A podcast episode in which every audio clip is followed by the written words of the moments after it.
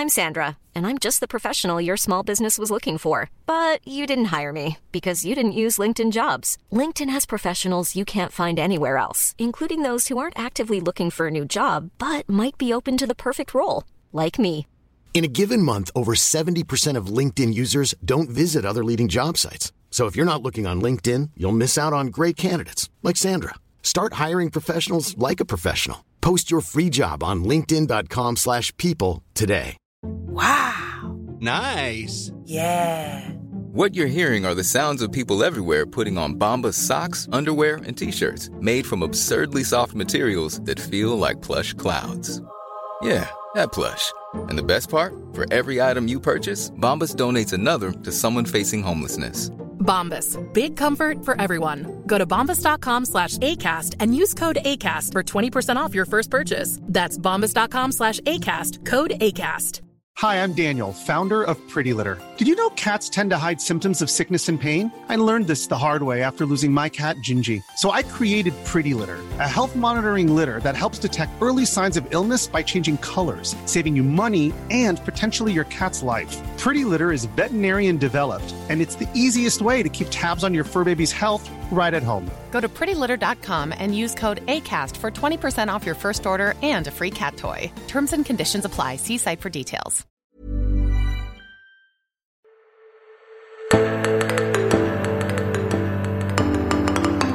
I denne ukens episode av Tore og Tarjei har vi med oss Erhard Hermansen, som til daglig er generalsekretær i Norges kristne råd. Nå er det jo sånn at Rett før vi gjorde opptak, så meldte justisminister Monica Mæland at det antagelig ikke blir portforbud i Norge. Det er jo ikke hver dag at det er noe du trenger å dementere, men det er jo fordi det tidligere i dag ble kjent at eh, regjeringen eh, utreder mulighetene for det. Og det i seg sjøl sier jo litt Erhard om hva for en utrolig spesiell situasjon vi er i fremdeles en stund. Du har jo sittet fra din liksom, paraplyposisjon sant, med overblikk over det breie Kristen-Norge i lang tid. Eh, hva sitter du igjen med som det sterkeste minnet av det å være kirke i koronatiden, så langt? Eh, og det er veldig veldig mange ting jeg sitter igjen med, og det har vært et utrolig hektisk år. Føler det har vært sånn arbeid døgnet rundt. Uh, uke og helg har liksom gått om en annen. Men det er klart, uh, jeg satt i Tallinn på uh, samling for alle de økumeniske rådene i Norden-Baltikum 12.3, da Norge stengte ned. Og da begynte jo alle tankene å svirre, ikke bare hos meg, men hos mine kollegaer også. Hva gjør vi nå? Hva, hva skjer i forhold til kirkene? Kirkene som en måte opplever det som, altså Det er så viktig å kunne komme sammen, og så skulle vi plutselig et, uh, forholde oss til at nå, nå kan vi ikke det lenger. Eh, og Det var utrolig spennende, fordi veldig mange begynte jo da umiddelbart å snakke om at kirka stenger ned. Og Da ble det kjempeviktig for meg, og det tror jeg har vært det viktigste liksom, gjennom hele året, å understreke at kirka er ikke stengt. Kirka er ikke stengt. Kirka finner nye måter å nå inn til folk på, men kirka er ikke stengt. Så det var utrolig viktig for meg også i starten. Eh, og veldig mange hadde jo da liten eh, kompetanse på digitale plattformer og skulle løse det der. men men jeg, det som har imponert meg veldig mye og gjorde det de første månedene, det var hvor raskt Kirke-Norge heiv seg rundt. Eh, fra det helt enkle til litt mer avanserte, men å, å flytte sine samlinger av ulike karakterer over på digitale plattformer. Det har imponert meg skikkelig og har betydd utrolig mye. For vi ser jo at i løpet av dette året her, hvor kirkebygg har hatt mye restriksjoner og vært eh, tidvis stengt, så har vi likevel nådd kanskje lengre ut enn vi noen gang har gjort. Hva type tilbakemeldinger er det som eh, syns du, ja, gleder deg mest, eller du syns det har vært mest eh, overraskende? Eh, altså, jeg opplever at Som kirkefellesskap i Norge så har vi opplevd et enormt samhold. Og som eh, Norges kristne råd, en paraplyorganisasjon, så opplever jeg at vi har fått veldig veldig god tilbakemelding på at det at vi har vært der og representert kirkene i Norge, det at vi har gitt dem den støttefunksjonen som trengs, det har vært utrolig viktig og har avgjørende betydning. Så, så for meg så, så, opplever jeg at Norges kristne råd har en, egentlig befesta sin posisjon enda sterkere i det året som har gått enn en tidligere. Så, så, det har vært veldig viktig. Men det jeg også ser, det er jo alle de tilbakemeldingene fra folk som kanskje ikke går til kirka, men som er litt sånn, vanligvis litt sånn galleri på utsiden, og som nå tar et lite sånn steg inn for å undersøke hva er, hva er det de holder på med i disse ulike kirkene, og, og gir veldig gode tilbakemeldinger på det. Så jeg opplever at at den, den, nysgjerrigheten som jeg tror lever i veldig mange, eh, har funnet en plass inn nå. Eh, det er blitt et, en åpning inn for å se hva som skjer eh, i, i kirkene rundt omkring. Når vi begynte sant, med dette i mars i fjor, sant, så tenkte vi jo kanskje at ok, nå blir det digitale uh, gudstjenester i ja, noen uker, kanskje et par måneder. Det er en unntakstilstand, vi får bare håndtere det som best vi kan. Så blir det høstsemester, det roer seg først litt ned, men så blir det jo strammere igjen utover høsten og nærmere jul. Akkurat nå er vi jo på noe av det strengeste vi egentlig har vært på hele tiden, og vi må vel regne med at det kommer til å være mer eller mindre tydelige begrensninger på forsamlingsfriheten frem til kanskje sommeren, og kanskje enda lenger enn det òg. Jeg lurer på hvilket råd du vil gi til kirkeledere nå, da, for nå har man vært fra hverandre på vanlig måte i faktisk ni måneder, det er ganske lang tid, og man må regne med å være det en god stund til, sånn at gudstjenestefellesskapet i vanlig forstand, det kommer kanskje det halvannet år da det blir imellom de to liksom normale periodene, for å si det sånn. Eh, hva vil, tenker du det er særlig viktig å være obs på akkurat nå i den perioden her? Akkurat nå så er det jo fortsatt viktig å være obs på at det er restriksjoner, og at vi har et nytt mutert virus som vi ikke vet så veldig mye om, og vi må forholde oss til de retningslinjene som er. Men når eh, samfunnet etter hvert begynner å åpnes opp igjen, og vi kan mer eller mindre gå tilbake til normale, så, så tenker jeg at vi skal, vi skal, bevare den lærdommen som vi har gjort gjennom dette året her. Eh, altså det at vi faktisk gjennom digitale plattformer når folk vi ellers ikke når. Men vi skal ikke tenke at det på noen som helst måte er en erstatning for de fysiske samlingene. Jeg tror at det kan ta noe tid før folk begynner å, å vende tilbake igjen. Vi har blitt så digitaliserte at vi, vi søker opp alle disse eh, plattformene som er. Så det vil ta noe tid tror jeg, før folk er tilbake til det. Men dypt der inne så er det et enormt behov for fellesskap. Jeg sier om meg sjøl at jeg er jo en sånn klemmeperson. Jeg elsker å klemme mennesker. Jeg har ikke klemt noen nesten bortsett fra mine egne barn på, på, på, ni måneder. Og, jeg, jeg, jeg, ser fram til rett og slett å bare få en god klem. Og den opplevelsen av fellesskap tror jeg veldig veldig mange savner å kjenne på. Så det blir viktig for oss nå på en måte å ta eierskap og finne ut hvordan vi igjen kan befeste vår posisjon som som kirker i, i, det fysiske fellesskapet, ikke bare det digitale fellesskapet. Men en stund ennå så tenker jeg at eh, det er viktig for oss å være nøye med å forholde oss til de retningslinjene som er. Og så skal vi ikke si at kirka er stengt, for det er den ikke. Hvordan syns du de, de har lykkes altså Hvis du skal trekke fram noen eksempel på de som har lykkes å ivareta fellesskap på tross av restriksjoner, er det noen erfaringer som, som eh, du syns er gjort særlig ja, som du syns er verdt å løfte fram for andre? Ja, jeg synes Det har vært gjort veldig mye bra. Jeg synes for Man også har klart å ivareta noe av den sosiale biten, ikke bare den der tilhørerbiten. Det at folk har lagt til rette for på digitale Zoom-kirkekaffemøter. Altså at man etter eh, den digitale gudstjenesten inviteres inn til mindre grupper, fellesskap på Zoom. Det synes jeg har vært veldig bra. Da ivaretar man den interaksjonen også. Eh, ikke bare som en, som en liksom passiv eh, digital til, tilskuer eller tilhører. Og så syns jeg at det har vært gjort veldig mye bra. Jeg har en sønn som i fjor fram til sommeren jobba i en frikirkemenighet i Trondheim.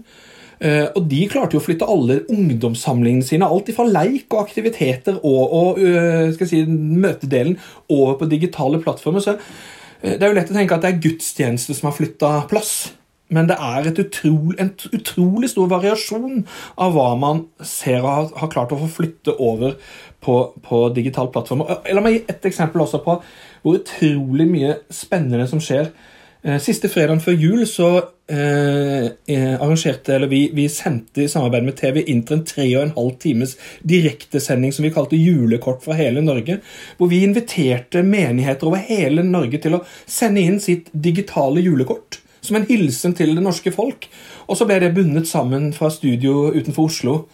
Og når du ser måte, hvor mye som skjer, og hvor gode de er blitt på å levere, så blir jeg bare kjempeimponert. Eh, mange menigheter har jo, som vi snakker om, tatt store store skritt i digital utvikling. Kanskje man, det som hadde tatt eller fem eller syv år ellers, da, eh, har kanskje gått på noen uker eller noen måneder. Eh, strømmede gudstjenester er vel noe som vi kommer til å, å bli vant til òg etter at koronasmitten har avtatt i intensitet. Hva med de som enten ikke er fortrolige med, med, digitale plattformer, det er jo en ting de som ikke mestrer det, men òg at det er jo kanskje lettere å bare Nei, vi går heller en tur i dag enn å se på den der eh, digitale, litt sterile gudstjenesten. Så, altså så fordi man mister Ikke steril fordi den er dårlig, men, men, på den måten at man mister kontakten. Uh, det, det, er jo en bekymring som jeg vil tro at mange kan kjenne seg igjen i. da, at man, eh, Ja, det, det er fint at du er flink i digital produksjon, men det er jo ikke TV vi driver med, det er kirke. Absolutt.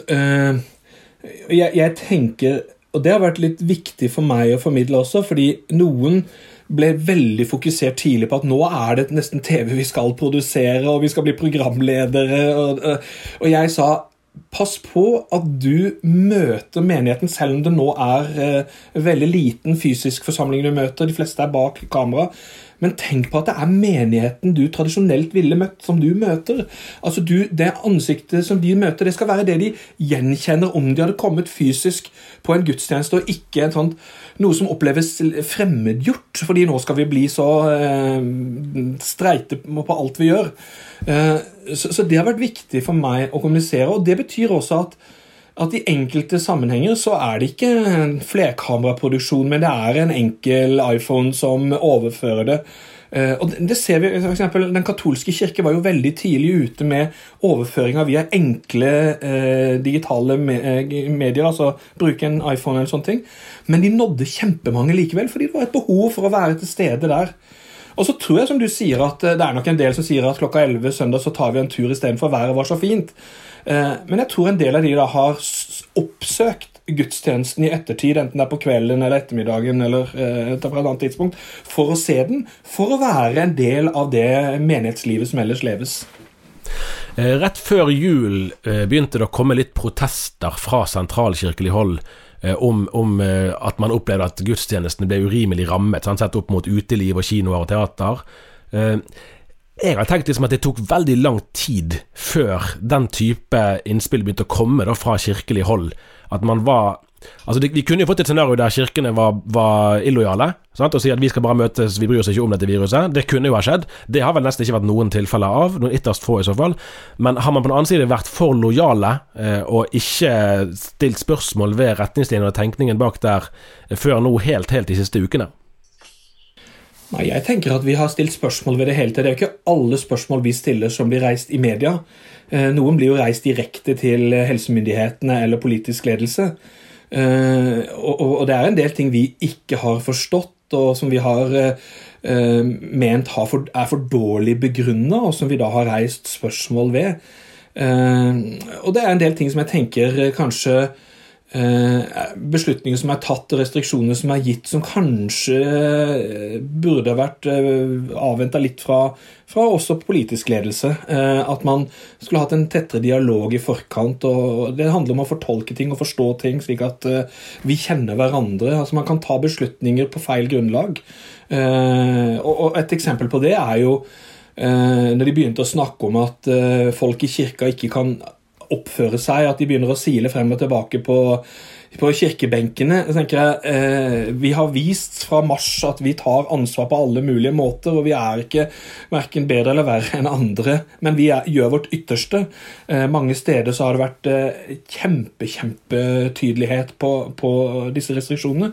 Og da, da, mener jeg at man, man, bruker eh, feil argumenter inn i det. Man kunne ha sagt selvfølgelig at vi må kutte ned til 50 for alle, det hadde vi forstått. Men man skal begynne å finne forklaringer på hvorfor man differensierer, så blir det vanskelig for veldig veldig mange. Og Det blir vanskelig for oss også overfor kirkene å skulle forklare hvorfor har myndighetene gjort det valget de har gjort, når vi viser over tid at vi tar ansvar på alle måter her. Opplever du dermed at, at uh, det er manglende forståelse fra myndighetene om hvor, hvor viktig uh, menighetsfellesskapet er? Nei, jeg tror at mange opplever at det er veldig viktig, men eh, jeg tror at eh, Ja, det kan hende at man også har vært, eh, vært litt forsiktig i starten uh, med å si tydelig ifra, og så merka det først når denne differensieringa begynte å bli mer synlig, at her må vi si klart ifra. Så, så er, jeg, jeg, skal ikke si at ikke de forstår at det er viktig, jeg tror de gjør det. Men de har, mått, de har, sikkert måttet begynne et sted, og så har vi vært det stedet hvor de har begynt. da. Ja, for det oppstår jo en, en, konkret situasjon her, om det var i, var i november det kanskje, når, når, det kom en veileder fra Norges kristne råd der det het seg noe sånt som at hvis stoler står på rekke og står i ro, så er det å betrakte som fastmonterte, og dermed kan man være 200 når man kan holde avstand. Altså lokal, lokale sto nok til det. Og så gikk det vel bare noen dager, og så var det Helsedirektoratet som sa at nei, det er ikke riktig. De må, vært, de må være ordentlig fastmonterte, og de må ha vært fastmonterte før Det er ikke sånn at man kan kjøpe seg noen bolter og skru de fast til gulvet nå. Eh, så der var, det, der var det på en måte en tydelig eh, motsetning i fortolkningen. Hva var det som skjedde der? Det er vanskelig for meg å si akkurat hva som skjedde, men uh, vår dialog med helsemyndighetene hadde jo hele tida vært avstandskravet, og at det ble opprettholdt, at det var det som var det viktige. Og da pressekonferansen i slutten av november ble gitt, og det ble snakka om dette med fastmonterte seter og sånne ting, så, så fikk vi først tilbakemelding fra helsemyndighetene om at, at det, det viktigste var fortsatt avstandskravet at det var ivaretatt. Og så gikk det som du sier, ikke lenge, så fikk vi en kontramelding på at eh, avstandskravet var ikke nok. Her var det disse eh, fastmonterte setene, som er egentlig fortsatt litt sånn vanskelig å forstå. Liksom, dette med fastmonterte seter, fordi bruker jo f.eks. Eh, stadionstoler som et eksempel på fastmonterte seter, men vi vet jo at disse klappstolene på stadionet er jo ofte små og trange, og man er ganske nær hverandre. Så jeg tror sjansen for å skulle komme nærmere hverandre på en kirkebenk enn på det, er, den er forsvinnende liten. Så det har, vært litt, det har vært litt vanskelig å forstå, men vi har måttet måttet forholde oss til det. Vi har problematisert det gang etter gang. Eh, og vi tenker at når samfunnet nå etter hvert åpner opp igjen, så er det viktig for oss å ta opp dette på nytt igjen. Eh, sånn at ikke dette er noe som, som lever med videre. da. Men da opplever du at det er måte, kanskje litt sånn eh, Altså det er skjønnsutøvelsen her som, som, man kan liksom stille spørsmål ved, mer enn at du opplever at det er en, en motvilje eller en manglende forståelse fra myndighetene for hvor viktige gudstjenester er for de som går i kirken? da? Ja, altså jeg tror at når man så over tid på hvor er det smitteutbrudd skjer, så hadde man noen eksempler fra noen tros- og livssynssamfunn. Og med det som utgangspunkt så, så måtte ble gruppe, hele gruppa bli, bli, berørt av det når man skulle da gjøre et valg på hvor skal man stramme inn hen her.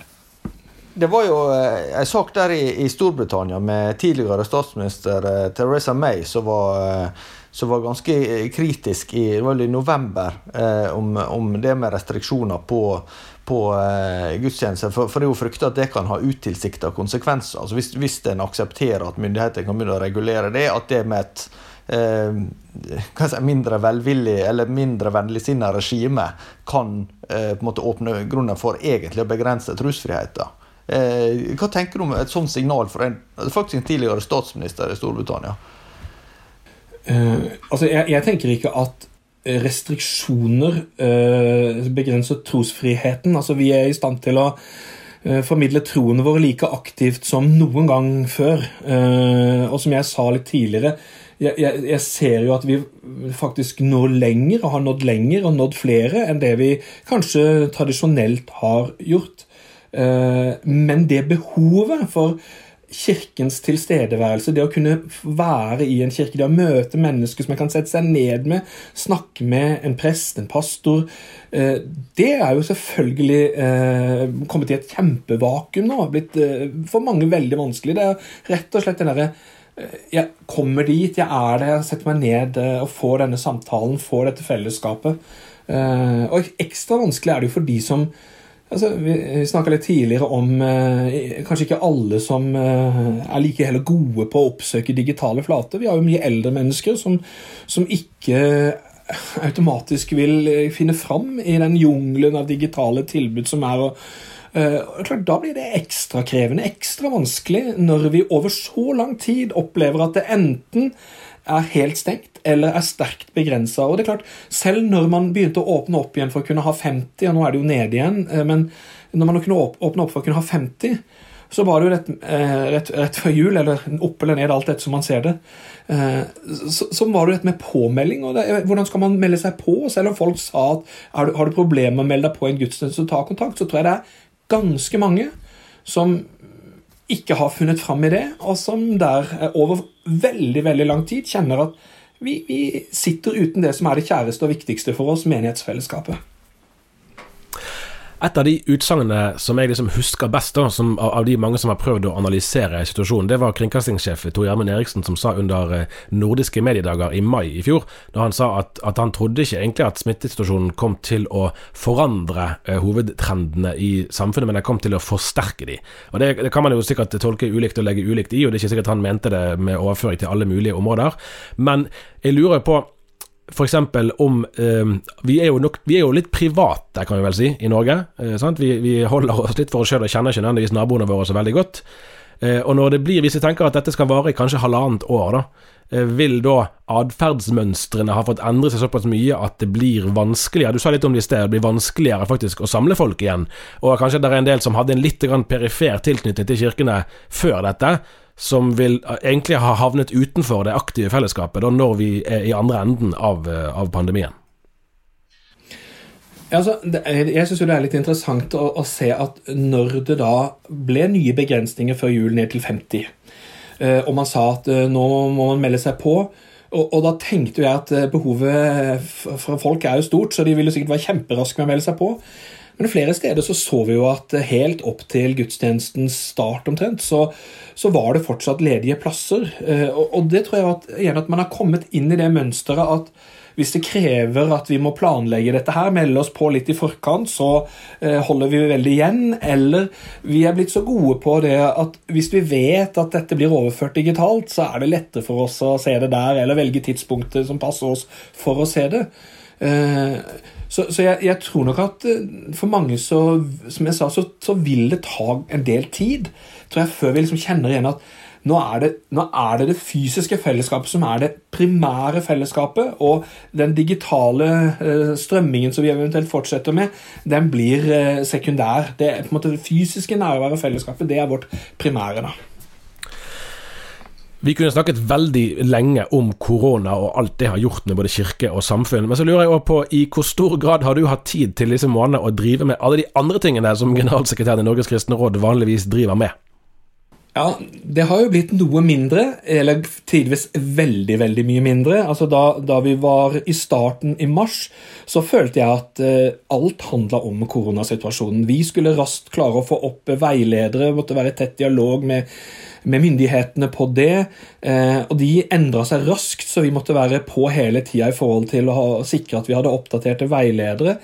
Eh, myndighetene de hadde ikke mandag til fredagsarbeid. Der jobbes det lørdagskveld og søndag formiddag. Det betyr at vi også måtte være mye mer på, på si, arbeids, arbeidstider som vi vanligvis ikke er det. Så jeg følte at det var ekstremt mye. Og ikke minst var det ekstremt mye fordi vi har så mange menigheter som har veldig mange spørsmål. De leser noe på en veileder, og så forstår de det ikke helt, eller de må være sikre på at de har forstått det riktig. Så henvendelsene inn til Norges kristne råd var jo helt enorme. Og Det betydde jo at de fleste av oss måtte legge til side en del ting som vi ellers holdt på med, for å kunne svare adekvat på alle de spørsmåla som, som, kom. da. Så, så jeg syns det handla veldig mye om korona. og Ikke, ikke lenge ut i denne koronasituasjonen så, så meldte også spørsmål seg i forhold til økonomien rundt omkring i, i kirkene. En del opp opplevde stor usikkerhet på om dette hele tatt kommer til å gå, og hvor mye minus vil vi eventuelt havne i. Eh, eh, og Det var også for oss viktig da å sikre at vi hadde tilstrekkelig informasjon og kunne formidle den videre. Så veldig mye handla om det i starten. Men etter hvert så kjente vi at vi har klart å flytte en del av de, den aktiviteten vi ellers har. Også vi har klart å flytte den over på digitale plattformer, og i den grad vi har kunnet samles, så har vi jobba for å kunne samles. Fordi for oss som en, en, si, en, relasjonell organisasjon, et økumenisk fellesskap, hvor, hvor, vi baserer veldig mye av arbeidet vårt på de gode nettverkene, samtalen, dialogen, så vil det ikke fungere å sitte i store digitale møter og kjenne, kjenne på dette. her. Så, så, i den grad det var mulig, spesielt da tidlig høst, så måtte vi gjøre det vi kunne for å skape de fysiske fellesskapene igjen. da. Men det har tatt veldig, veldig mye tid og oppmerksomhet. Eh, og Et eksempel på det er jo også da rett inn i jula, hvor vi får en, en ekstra bevilgning, ganske stor, fra, eh, eh, over statsbudsjettet for å lage digitale produksjoner, som jeg tror var kjempeviktig. Men det krever jo at vi kaster oss rundt og gjør noe eh, veldig veldig, veldig raskt der og da. Men for meg personlig så var det også en opptur. for jeg, Du kommer til en situasjon hvor du har jobba med dette veldig lenge, og du skjønner at det vil vare fortsatt lenge, hvor du begynner å bli litt sånn tom, du blir litt lei. du kjenner at skal, da, skal det ikke ta slutt snart? Eh, og det å finne noe som er litt positivt å jobbe med, litt gøy å jobbe med, eh, og det var disse digitale produksjonene som vi hadde før jul. Eh, det, var, det blir en sånn opptur for, eh, for oss som står midt oppi dette. Sist gang du var på besøk i podkasten, det var vel for sånn eh, halvannet års tid siden, og da var vi jo altså før korona, tenkte jeg. Eh, da snakket vi om eh, hva som er den kristne kirkes og den kristne troens grenser, blant annet, og du pekte da på den apostoliske trosbekjennelsen som et naturlig utgangspunkt for Norges kristne råd sin side, for da å, å sette opp noen sånne grensedragninger. Og da var noe av utgangspunktet at det var blitt kjent at, at Brunstad Christian Church, også kjent som Smiths venner, var i ferd med å få observatørstatus i Norges kristne råd, en sammenheng som ellers har vært litt sånn i en randsone, kan jeg vel si, når det gjelder andres vurderinger om hvorvidt det egentlig er en kristen kirke.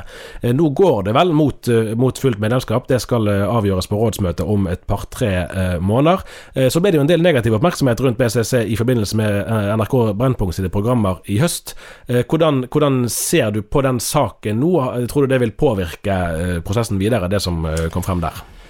Nå, sånn, rent sånn teknisk så er det jo flere eh, kirker som søker ordinært medlemskap eller kirkesamfunn som søker ordinært medlemskap i Norges kristne råd for tida, og vi ser at uh, prosessen som må gå i forkant av det, vil kanskje ta noe lengre tid enn det som måtte, vi har i forhold til rådsmøtet. Så det, akkurat når behandlingen kommer til å skje, det, det ligger nok noe lenger fram i tid. Men uh, jeg opplever at uh, den dialogen som har vært med Brunstad Christian Church over to og et halvt år eh, har vært eh, veldig god og positiv. Har vært i en ramme hvor vi kan løfte opp alle de spørsmålene, også de krevende og vanskelige spørsmålene som, som dukker opp. Og, og, og, vi har blitt gitt et rom for å kunne, kunne snakke om det. Og Den prosessen tenker jeg eh, også, skal, også får fortsette. Eh, det er viktig i dialogen mellom de og Norges kristne råd, og det er viktig for de interne prosessene i BCC at, at det lever videre. Eh, og så Hvorvidt eh, Hva var ditt spørsmål i forhold til dokumentaren? Ja, altså, det er jo I utgangspunktet regner jeg med at prosessene for Norges kristne råd går sin gang, i og for seg uavhengig av hva NRK Brennpunkt uh, gjør, men det er jo samtidig naturlig vel at når, når, det, når det, programmet ble sendt, og, og, man har sett det, så er det vel uh, grunn til å tro at noen av de som skal vedta dette, altså av medlems, uh, medlemmene i rådsmøtet, vil kanskje ha noen andre spørsmål å stille som de gjerne ikke hadde var klar over grunnlaget for før. Vi, vi, kan kanskje bare sånn for, for ordens skyld for uh, lyttere som ikke har sett uh, det programmet. Det var jo en serie på, på tre program som gikk uh, på NRK nå i november. og noe sånt. om det de kalte lukka kristne trossamfunn. Og så vil jo definisjonen igjen være gjenstand for diskusjon. For det var Jehovas vitne, og så var det det som heter gudsmenighet i Lofoten. Eh, ikke å forveksle med gudsmenighet ved Gårdshei. Eh, og så er det også da Smiths venner eller Brunstad Christian Church. Og Det var jo litt forskjellig innretning på de programmene, men, men det gikk jo på det en kaller sosial kontroll generelt. At medlemmer ikke har frihet til å, til å, å gjøre selvstendige valg og sånn. Og så eh, handler det ikke minst Brunstads tilfelle om det med økonomi, da, i og med at en har relativt velstående ledere og ganske stor konferansevirksomhet, og at en har eh, da eh, i tillegg en stor eh, forventning om dugnad blant, eh, blant eh, de som er med der. men, men, men merker du at sånne ting gjør noe? altså Får dere noen respons på en måte, at sånne ting gjør noe inntrykk? Altså Det er klart at en sånn dokumentar gjør inntrykk, og for noen av oss har vi jo vært tettere på ledelsen i BCC enn andre. Det betyr jo at de som ikke har vært like tett på, vil kanskje komme, ha flere spørsmål og, og, og, behov for å gå runder rundt dette også. Og Derfor så tror jeg at når denne dokumentaren kommer om, så er det godt for alle at uh, man bruker den tida man trenger for å få løfta opp de spørsmålene som er, for å skape fortsatt det rommet for den gode samtalen og dialogene for å kunne avklare disse tingene som, som man går og lurer på. Jeg, jeg tror det, det, er kjempeviktig og det tenker jeg i, i Norges råds interesse at vi skaper disse rommene hvor alle de spørsmåla de vi går og lurer på, det vi på en måte kanskje er usikre på, eller kanskje også frustreres over, kan kjenne at vi tar oss av irritasjon, det, det får vi løfta fram, og så skaper vi det rommet for den gode samtalen, dialogen, for å kunne forstå hverandre bedre. Det er vel ikke helt fjernt å anta, og det er jo sånn som du sikkert må svare ja på, men, men at, at, Norges kristne råd som felles uh, samlingssted og plattform uh, har fått en mer sentral rolle i, løp, i, den tiden vi har vært i, og at, det, at noe der vil vedvare og etterpå? Ja, det opplever jeg absolutt. Vi gjorde nettopp en liten sånn statusoppdatering i forhold til hvor mange som eh, som følger oss på sosiale medier. og Vi ser jo at den eh, veksten gjennom 2020 har vært formidabel. Bare i, i, i desember så så vi jo at var det 113 000 som måte besøker oss på, på sosiale medier. Så det er klart vi, vi opplever nok at både, både, overfor kirkefellesskapet som et serviceorgan, som en paraply, som et, eh, et bindeledd. Eh, både mellom kirken og for myndighetene så har vi fått en, eh, en sterkere og tydeligere mm, plass og, og, blitt lagt merke til på den måten. Men også overfor skal jeg si, Hvis du tenker kirkefolk ellers rundt omkring i landet, så opplever jeg virkelig at Norges kristne råd gjennom dette året har fått en, en, en ny synlighet, eller en tydeligere synlighet. da.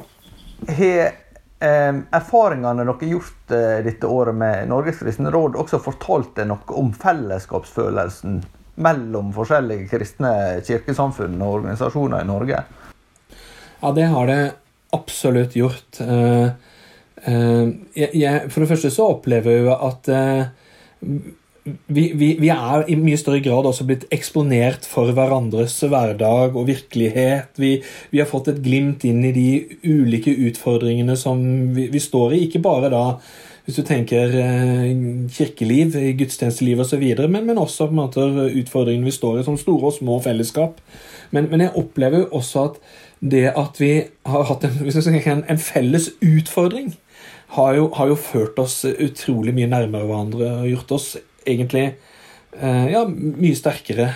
Ja, eh, nei, Hvis vi skal trekke linja tilbake til det som vi snakka om i stad, med, med Brennpunkt-serien, skaper det også en følelse altså Når eh, det er eh, små trosfellesskap som er på en eller annen måte assosiert med Norges kristne råd, og som, som blir gjenstand for, for, kritisk oppmerksomhet, er det også noe som gjør inntrykk på andre medlemsorganisasjoner og kirker? Ja, det tror jeg virkelig. Og så er det jo, Hvis vi ser historisk på det, så vet vi jo at det er mange av våre medlemskirker som har gått igjennom ting eh, tidligere. Altså, Flere av de vil kanskje oppleve at de ikke ble sett på som hvis vi brukte ordet i stad, litt sånn stuerene her, da. Eh, og, og, gjenkjenner nok en del ting det. sånn at Man ønsker nok også da å, å kunne være en ressurs og være med å bidra og hjelpe eh, BCC i den situasjonen de står i, nettopp for å kunne eh, få en større avklaring rundt spørsmål som man må ha, måtte ha, og ting som dukker opp da. Jeg lurer på om det er det vi rakk i denne omgang. Dette var jo da årets første episode, men vi setter på å være tilbake igjen neste uke. Og Erhard Hermansen er hjertelig velkommen tilbake igjen ved en senere anledning òg. Takk for praten denne gangen.